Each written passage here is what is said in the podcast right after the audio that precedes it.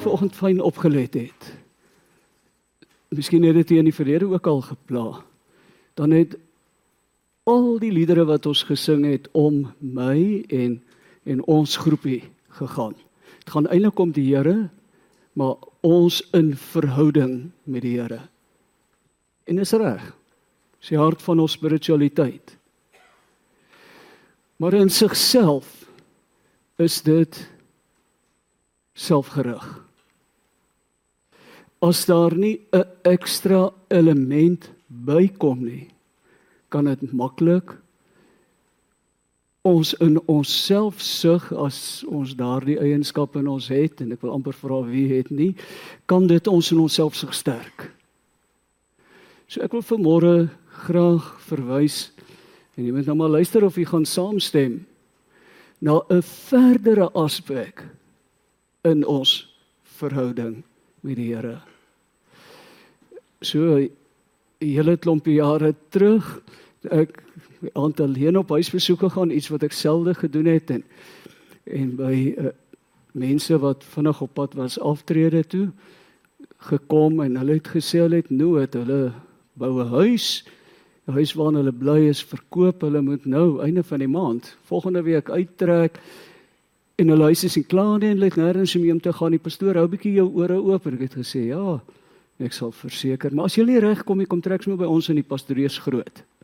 En gebid en volgende huis, en volgende huis, en volgende huis en en Sondag op pad huis toe vir die kerk af. Het my vrou toe verwys na 'n 'n verdere element in ons verhouding wat so bietjie verdere beklemtoning en uitbouing nodig gehad het en dis die een van bedagsaamheid toe sy gesê het weet jy dat Koen Koen en Sue môre by ons intrek? Nou ja ek moes sê ek is jammer. Ek het vergeet om vir jou te sê maar die huis is mos groot en Sue was maar 'n eksentrieke kreatuur en ons moes maar met mekaar vir 3 en 'n half maande saamleef. Maar in elke verhouding is daar aspekte verskillend tussen die verhoudings wat ons het wat aandag vereis om sukses van die verhouding te maak. En ek wil vanmôre praat oor so 'n aspek. Ek wil sê as dit nie as ons nie ook aandag gee aan daardie elemente in ons verhouding met die Here nie verarm ons onsself dan ontbreek ons aan 'n essensiële deel van die kennis van God. Want onthou om God te ken is nie soos om wiskunde te ken nie wat ek nie baie goed ken nie. Om wiskunde te ken moet jy 'n klomp inligting hê om God te ken beteken ek staan in 'n verhouding waar daar uitruiling plaasvind. Hy praat en ek antwoord en met tye waag ek dit om te praat en dan antwoord hy ook deur die genade. Dis 'n element wat veral die profete in die Ou Testament baie sterk en baie sterk taal onder Israel se aandag gebring het. Dis 'n essensiële deel van Jesus se boodskap en veral van Johannes. Ons gaan terugkom na hom. Jeremia leef in 'n kritieke tyd, 'n draaipunt in Juda se geskiedenis. Dis hier rondom die jaar 600 voor Christus. Is Juda was toe nou al 'n hele rukkie die speelbal tussen twee moondhede, die een aan aan aan sy ooste kant, weste kant, die een aan sy ooste kant, Egipte. Ek wys nou verkeerd om vir u want ek staan nou anders as u en eers Assirië later Babilonie aan die ander kant. En in hierdie tyd wat Israel maar net 'n vasal staat van 'n groot moondheid Babilonie is en kort kort gaan heel met Egipte om hulle te help, maar eintlik wil hulle ook nie aan Egipte belasting betaal nie. Is daar 'n koning wat regeer en, en sy naam is Joiakim 609 om hier so 'n bietjie te plaas tot 598. En dis 'n belangrike datum wat Joiakim sterf want die volgende jaar word Juda vir sy opstandige gedrag beloon deurdat die Babiloniërs 'n klomp van hulle wegvoer. En dan in 587 weer. Hierdie keer kom as Babilonie hulle vee Jerusalem en die dorpies daar rondom plat. Hulle voer 'n groot deel weg en en 5 jaar later doen hulle dit met die res van die bevolking hulle los net die armste van die armste agter. En Jeremia se woord is gerig tot hierdie koning. 'n Koning wat om in 'n krisis, 'n politieke krisis situasie bevind waar sy volk verarm en bedreig word, waar daar hongersnood is. En hoor wat sê Jeremia 22. Elende wag vir Joachim, dis die koning. Hoor wat doen hy? Hy bou sy paleis met onreg.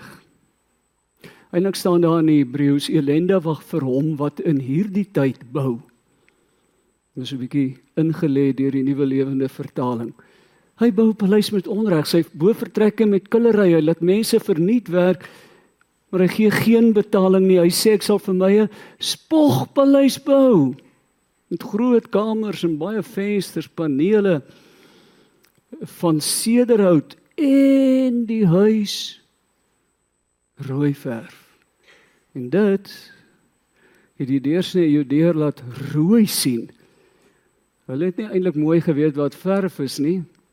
Die rykstes van die rykers het op daai stadium al hulle huise begin uitverf.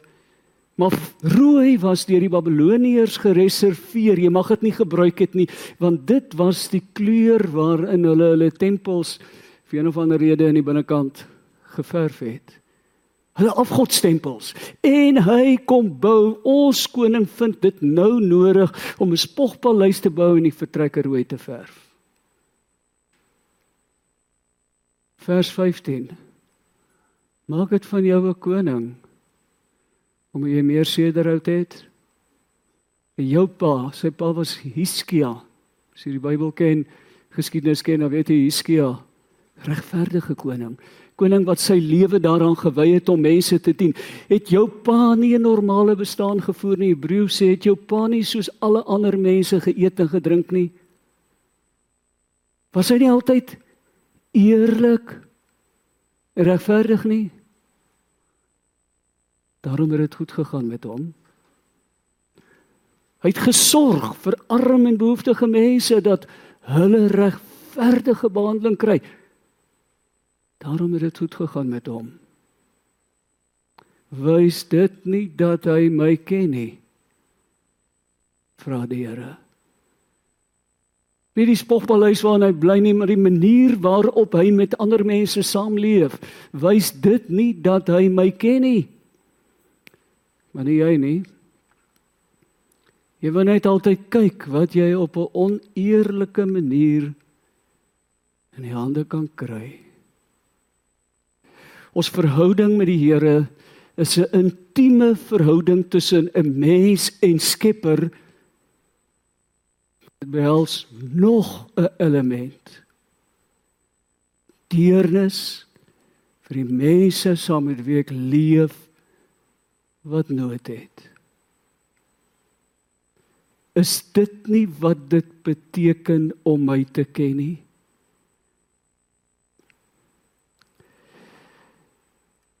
Psalm 68 is 'n baie interessante vers. Want dit verduidelik iets van die hart van God. Vader verwese, beskermer van weduwees, dis God in sy heilige woning. Dis 'n tema wat 'n mens herhaaldelik in die Bybel vind.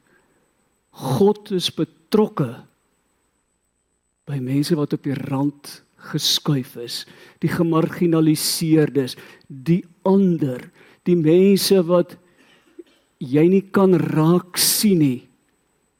Hulle het vir jou onsigbaar geword want hulle is nie soos jy nie. God is by mense waar daar nood is.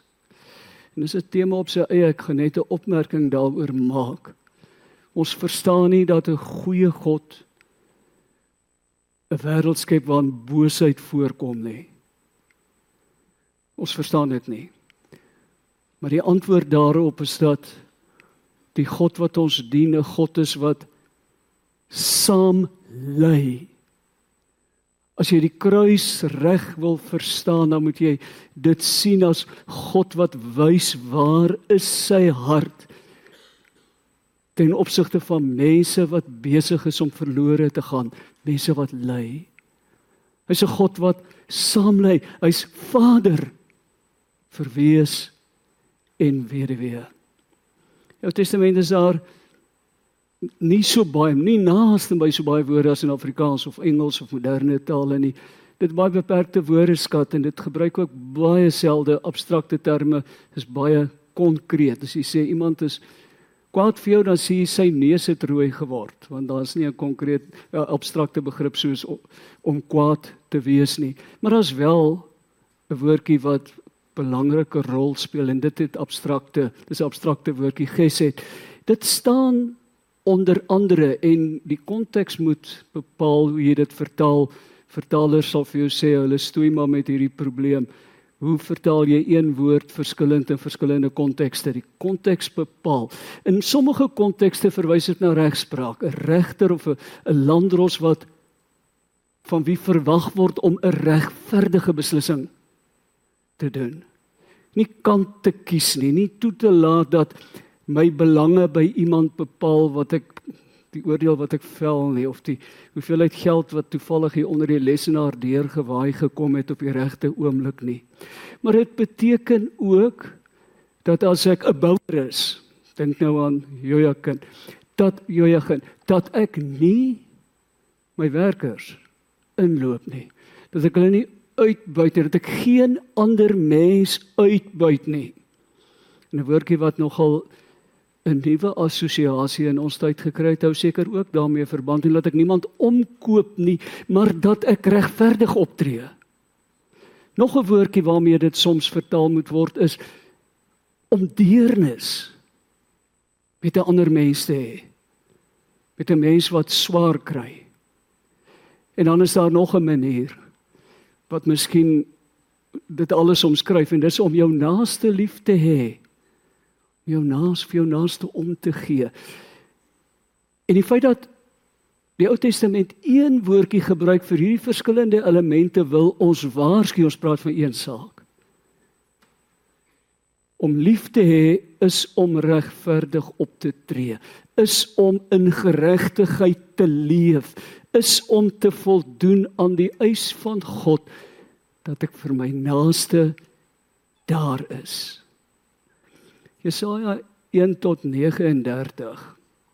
Vind so 'n bietjie Jesaja tree vroeër op. Die, die skrywer van Jesaja 1 tot 39 tree bietjie vroeër op as Jeremia. Dis nou so 'n eeu en 'n half vroeër. Israel word bedreig, die die 10 stammeryk word bedreig deur Assirië. Die onder die 2 en 'n half stamme word ook bedreig.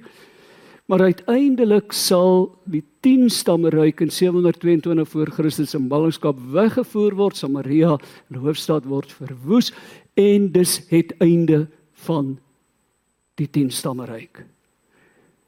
Maar dieselfde tyd word Juda ernstig bedreig. En dis in hierdie tyd dat dat die profeet Jesaja optree. Dis 'n tyd van politieke onrus. Maar is ook 'n tyd waar party mense skatryk geword het en hulle het dit gedoen deur ander uit te buit. Kleinsel hongersalarisies, hongerlone te betaal. Mense uit te buit. En dit veroorsaak hierdie wanbalans van 'n klein groepie mense wat superryk is om 'n goeie idee te kry van daardie situasie. Dink aan Suid-Afrika met met sy nuwe politieke elite ekonomiese elite van klein groepie mense wat super wat ryker is as wat ons kan verstaan en die meerderheid mense leef van brood en grond. Klink my. Sosiale ongelykheid die produk van uitbuiting van mense. Dis in hierdie omstandighede wat Jesaja optree En hy begin sy profetiese boek met hierdie woorde. Miskien wil jy die hele Jesaja 1 gaan lees. As 'n mens die historiese omstandighede verstaan, dan maak hierdie vir jou geweldig sin. Hoor wat sê vers 14. Nou praat die Here met Juda. Ek is siek. Ek is siek van julle offers, sê die Here. Moenie nog meer brandoffers vir my bring nie. Die vet van julle ramme of ander diere wil ek nie hê nie.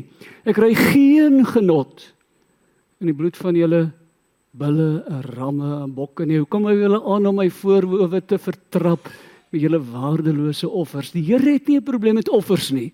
Hy het dit beveel. In die Ou Testament moes mense dit bring totdat die tempel uiteindelik vernietig is. Hy het nie 'n probleem met offers nie. Sy probleem lê op 'n ander vlak.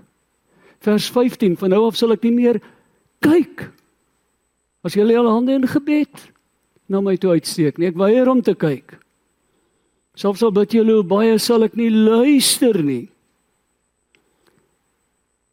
Want julle hande is vol bloed van onskuldige slagoffers. Was julle self word skoon. Moenie dat ek verder sien hoe boos julle optree nie. sien af van julle bose weë. Vers 17: Leer eers om goed te doen. Ja, bring die offers. Maar voor jy dit bring, sorg dat mense reg behandel word. Help mense wat verdruk word.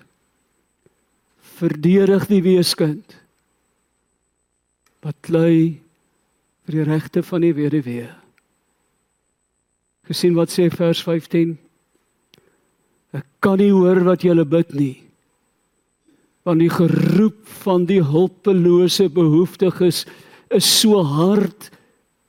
Ek kan nie jou stem hoor nie, my kind. Wat ek wil hê is dat jy so 'n bietjie stil bly en jou oë oopmaak. En kyk wat rondom jou aangaan. sien die nood van mense raak. Dis waar jy my gaan kry. En word my antwoord op daardie mense sulp geroep. Jy sien, ons verhouding met die Here is nie net dit wat in die binnekamer gebeur nie. Dis die begin. Dis die voorbereiding. Maar as ons daar uitstap, vind ek die Here in my wêreld herhaaldelik bloot net deur my oë oop te maak vir die mense wat hy doelbewus my pad langs verby laat kom. En soms kom hulle nie doelbewus verby my nie. Hy vra dat ek bietjie uitgaan en gaan kyk waar die nood is en om sy hande in daardie omstandighede te word. Vraag is nie of ons die Here soek nie, maar die vraag word, soek ons hom op die regte plek? Waar sy hart is, waar hy ons nodig het om namens hom te wees. Vroeger kerk het 'n interessante strategie gehad. Daar was die voorkoms in Jerusalem van baie arme mense. Honger mense, werklose mense in die vroegste gemeente en, en ons lei van die briewe af dat dit weier oor die um, Romeinse wêreld, Grieks-Romeinse wêreld voorgekom het waar gemeentes gevestig is en dat hulle die strategie gesien het wat wat die vroeë gemeente gevolg het of dat hulle harte op dieselfde manier aangeraak is, weet ek nie, maar hulle het dieselfde gedoen as die Jerusalem gemeente. Jerusalem gemeente, die kerk het nie groot kerkgeboue gehad nie. Groot kerkgeboue te hê, moes jy gevestig wees, moet jy sosiale status kry. Om dit te kry moet jy gewoonlik die politisie se guns wen. En teen die tyd dat jy dit gewen het, het jy met hulle gekompromiteer en jy waarskynlik jou getuienis daarmee saamgekompromiteer en het jy die krag van jou getuienis verloor. Ons sien dit dat die kerk in die eerste 4 eeue 'n geweldige impak gehad het. En na die 4de eeu dit verloor het. Die vroeë kerk het in huise bymekaar kom sien as 'n plek waar hulle kon, in die tempel, Jerusalem, solank die tempel nog bestaan het, in 70 na Christus vernietig, maar in huise en dit het daaruit bestaan. Hier was hulle strategie. Elkeen bring vanaand wat hy het om te eet. Een het baie, een het niks. Een het brood met wyn met baie water, die ander een het het so miskien 'n stukkie vleis met wyn met minder water ingaan. Dis wat hulle geëet het en vrugte.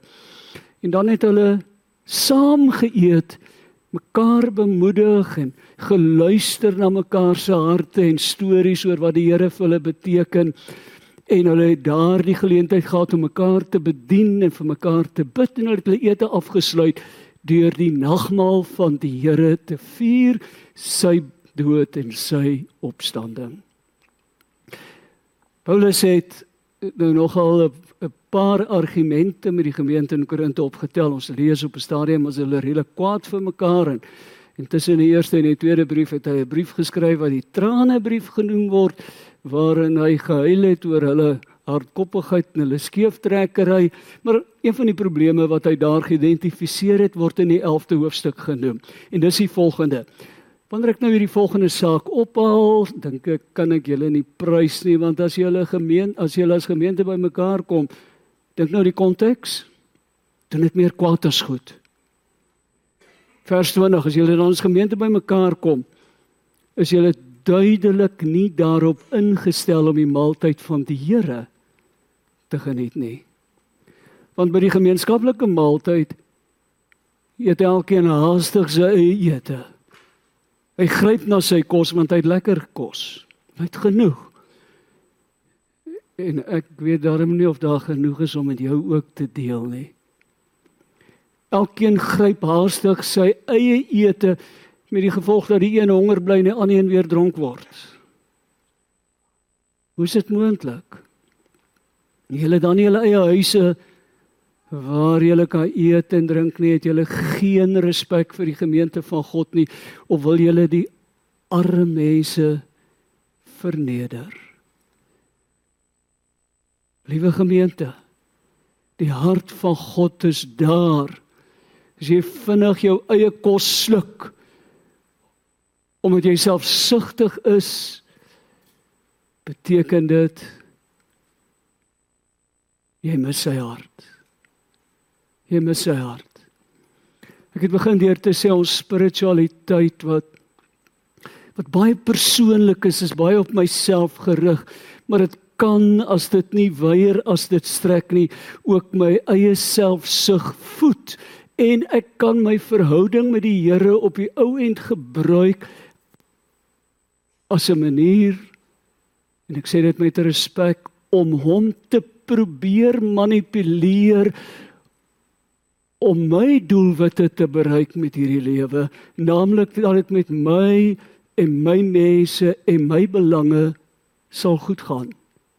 Miskien moet ons nou en dan na ons gebede gaan luister, stel ek voor, dat ons hoor waaroor ons bid en wat vir ons werklik belangrik is en dit opweeg teen God se hart wat by mense in nood lê. Kom ek kom vir 'n oomblik by mense in nood want dit is tot sover 'n begrip wat ek net abstrakt gebruik het. Ons leef in 'n wêreld waar ons skouers vryf met mense party is siek. Party mense is kronies siek. Miskien is daar in die omgewing iemand wat baie swaar aan depressie ly. En as ek nie iets van depressie verstaan nie, is dit 'n goeie idee en groot wysheid om weg te bly. As ek dink man, ek wens jy wil jou regruk en jou jou sokkies optrek en begin iets doen, dan weet ek nog nie van depressie nie, dan moet ek miskien maar wegbly. Maar daar's mense met nood, daar's daar's dalk 'n werklose of iemand wat deur 'n egskeiding gaan. Party daarvan raak redelik morsig. Mense wat finansiële nood ontwikkel wat nodig is is doodgewoon oë om mense raak te sien en iets van die hart van God wat deernis vir daardie mense het. Jy sien, solank my verhouding met die Here bloot net vertikaal is en nog nie horisontaal begin strek het nie, is ek verarm in my kennis van God. Ek ken God nog nie ten volle nie. Nou moet ek ook bely. Ek leef in 'n kokon van bevoordiging, steenhuis, loopwater, elektrisiteit, toilette, baie kos. En in hierdie kokon word ek nie gekonfronteer met die mense wat ander kant die spoorlyn bly, waarvan party in plakkershuise in haglike omstandighede bly nie. Ons word beskerm teen hulle deur ons woonbuurte wat geskei is van mekaar. En hulle val buite ons wêreld behalwe as ons God ook daar gaan soek. Ons hoef nie so ver te ry nie. Ons kan ook by geleentheid doodgewoon by 'n ouer huis stilhou. En mense vind wat hulle lewe daaraan gewy het om iets van hulle kinders te maak, hulle kinders wat in 'n professionele loopbaan so vasgevang geraak het dat hier 'n ou mensie sit wat emosioneel verwaarloos voel en wat doodgewoon 'n oor en 'n oog van begrip nodig het wat belangstel wat kom emosioneel en geestelik voed kan ek vir jou 'n gebed doen. Ons hoef nie ver te soek vir die wese en die weduwee nie. Die hartseer is dat in ons land 40% van kinders honger gaan slaap. Sommige van ons het 'n stiefkind in die huis. Mag die Here ons help dat die woordjie stief sy lelike betekenis sal verloor omdat daar begrip en deernis in ons hart is werklose mense maar dat ons nie net mense wat nood het sal aanspreek nie maar mense wat in hulle nood slagoffers van strukture is wat hulle nood veroorsaak daartoe bydra dat ons ook iets daaraan sal probeer doen. En dit gaan ver dat ons betrokke raak dat dat ons bewustheidsvlakke sal styg oor ander mense en hulle nood. En dan kan ek nie berge verskuif nie. Kan ek ten minste my stem gaan uitbring om te registreer dat ek nie tevrede is met 'n regering waar party skatryk en ander mense van honger doodgaan nie. Ek het verwys na Johannes, ek gaan met Johannes afsluit. Johannes word met reg apostel van liefde genoem. Trouwens, as hy sy evangelie skryf, dan verwys hy nooit na homself as Johannes of ek nie, hy verwys na homself as die apostel vir wie Jesus baie lief was. En ek vermoed as jy vir Johannes vra, wat onthou jy van Jesus, dan sal hy sê net een ding: liefde. Dit was oor hom en oor sy lewe en bediening geskryf. In 1 Johannes 4 sê Johannes wat die mens wat nie liefhet nie ken God nie persoonlik nie want God is liefde. Laat ons aanhou om lief te hê. Ware liefde is van God afkomstig. Elkeen wat so liefhet is uit God gebore en ken God persoonlik. Ken God persoonlik. En dan 1 Johannes 3 vers 17. Hoe bly die liefde van God in iemand wat genoeg aardse besittings het en sy broer sy gebrek ly. Maar sy hart nogtans vir hom oop toesluit. Ek het vanmôre gesê die mens wat se vir wie die naaste belangrik genoeg geraak het dat hy daardie mense raak sien. Omgee uitreik wêreld oopmaak vir daardie mense hart en huis oopmaak vir daardie mense deernis met die mens met nood het betrokke raak om aan te moedig en voor te help vir ander wat nood het. Daardie mens ken 'n ander aspek van God wat ook belangrik is of wat vermoed ek net so belangrik is as dit in ons binnekamer en ons erediens gebeur waar ek in 'n verhouding met hom staan. Want dis hier waar my verhouding met hom vrug dra. Dis hier waar ek die antwoord op my gebed geword het wat vir die Here vertel het van ons land se groot sosiale en ekonomiese nood. Waar ek ingetree het vir mense wat stukkend geraak het langs die pad wat disfunksioneel langs die pad bly sit het nadat ek gebid het word ek die antwoord op my gebed. Want ek word die stem van God in daardie mense lewe en as ek mooi kyk sal ek in daardie mense dankbare gesig God herken. Ek gaan nou nie volgens vir bid nie. Ek gaan vir bid, maar ek gaan nie probeer om u antwoord op wat het, miskien die woord van die Here was te probeer verwoord nie. Jy moet maar self besluit. Dalk besluit iemand hierdie ouer dan vermoere ons tyd gemors en het om nonsens gepraat. Ek is ten minste voor 11 uur klaar. Miskien wil jy 'n ander antwoord gee. Al wat ek wil doen, ek wil bid vir die genade en die wysheid om wel op God se woord te antwoord. Kom ons bid saam. Hemelse Vader,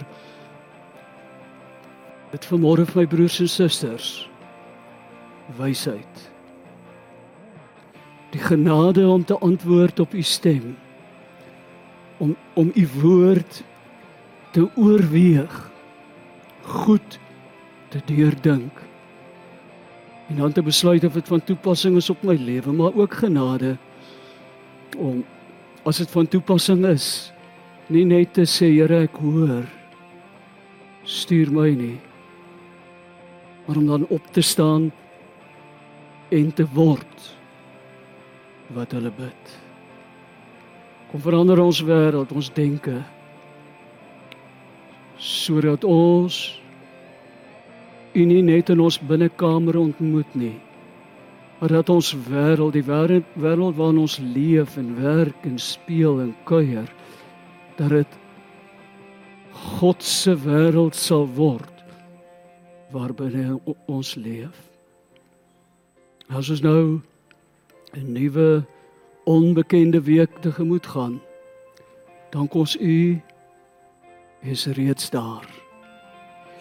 Dat die genade van ons Here Jesus Christus en die liefde van ons Vader, God die Skepper, die gemeenskap van die Heilige Gees ons elkeen se deel sal wees tot ons weer as gemeente ontmoet of miskien vir u aangesig ontmoet.